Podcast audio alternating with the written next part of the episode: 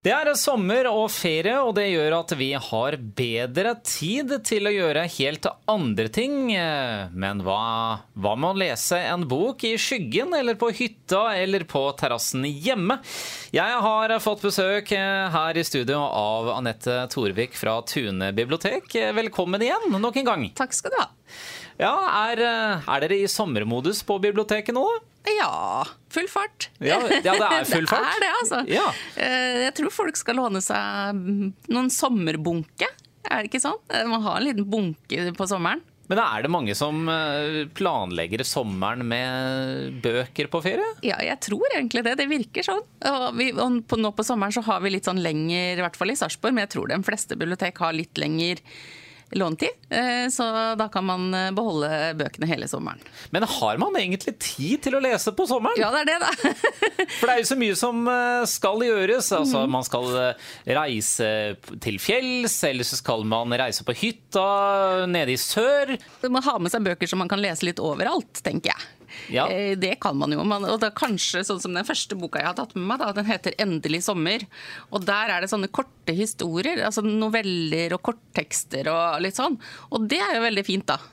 Med forskjellige forfattere. Det er bl.a. Vigdis Hjorth, Nina Lykke, Lars Saabye Christensen. Det er både kjente og litt mer ukjente forfattere. Litt forskjellig, rett og slett. Ja, rett og slett ganske forskjellig. Og det er jo da også blant annet fra Ingvar Ambjørnsen er det faktisk et utdrag fra Fugledansen. Så der, der er det ikke en egen novelle, men det er bare et utdrag fra boka. Ja. Så det, den er jo veldig kjekk å ha med seg. Den er veldig liten og tynn også, så den er lett å ha med seg i veska eller eh, sånn på stranda eller noe sånt, kanskje. ja. Så det er jo fint. Eller den neste boka jeg har med, det er eh, en som heter 'Livet på landet' av James Rebanks. Og han ga ut i 2015 så ga han ut en bok som het eh, 'En sauebondes liv', og den fikk kjempemye omtale den gangen.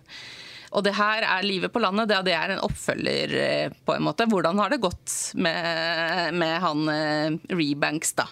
For han arva jo en gård på landet av bestefaren sin.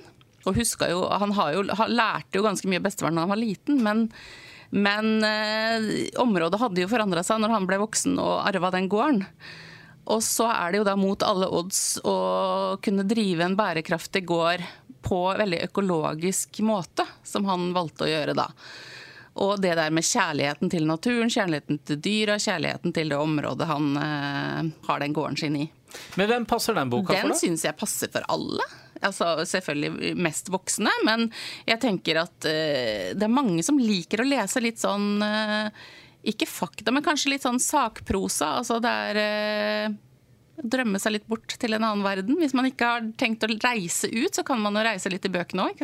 De som drømmer om et liv på landet, kan lese denne. Lese Absolutt. denne. Absolutt. Eller de som trives best i byen og bare tenker at ja, jeg leser om det, jeg vil ikke bo der. Ja, da er det en mulighet, Ja. selvsagt. Ja, det var livet på landet. Ja. Neste bok? I neste bok er 'Da han møtte hund'. Også ikke en hund, men en hund. Ja, en hund, altså en voff-voff. En voff-voff, ja. Ja. Og eh, jeg var jo sånn Jeg tenkte alltid at eh, jeg var kattemenneske. Eh, så, men så ble det Jeg skulle aldri ha hund. Men så plutselig eh, så ble det sånn at likevel, da. Så fikk, fikk vi hund, og så, ble, så skjønte jeg jo det at jeg er jo skikkelig hundemenneske. Og sånn var det nok litt med han forfatteren her. Han heter Helge O. Svela som har skrevet den boka her. Og han også var nok litt sånn. At han plutselig ble veldig hundemenneske. Og, og boka er litt sånn eh, helt, altså, Den forklarer hvorfor det er helt normalt å tenke på hunden sin som en håret, litt hårete baby.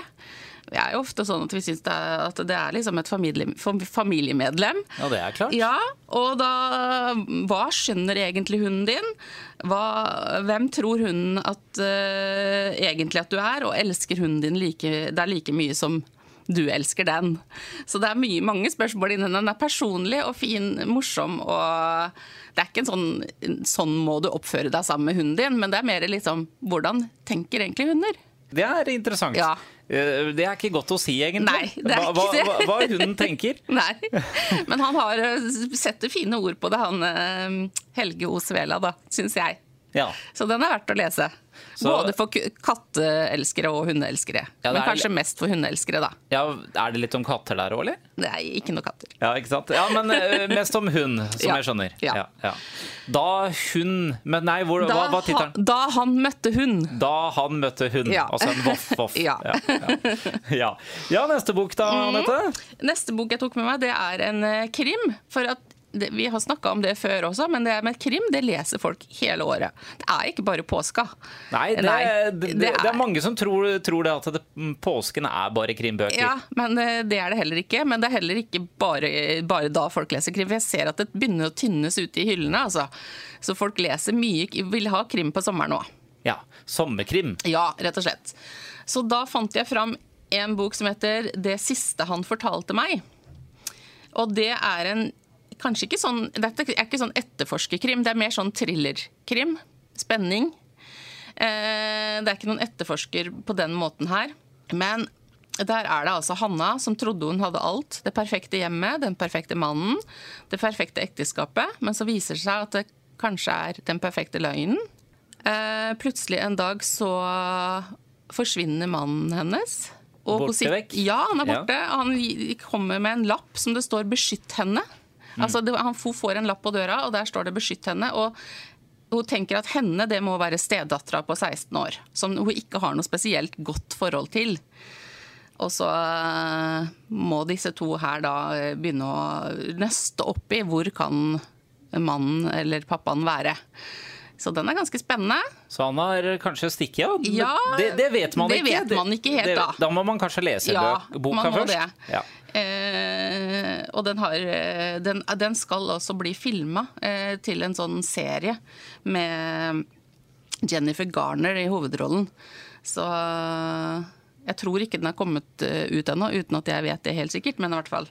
Det er veldig mange av disse krimbøkene som blir eh, TV-serier Ja. eller, eh, en, eller en krimfilm. Det er jo gjerne sånn, fordi, og det er jo gjerne Altså, mange av dem er skrevet på den måten at du ser jo veldig Du har en veldig filmfølelse når du leser. Og sånn er det nok kanskje med den her også, at, at du får det litt sånn film, film oppi hodet.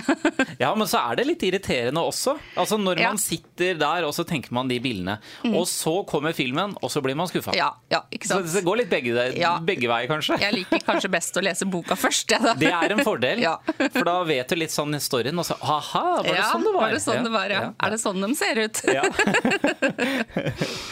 ja, du har flere bøker. Ja, ja. der inne, Jeg ser jeg. har én til.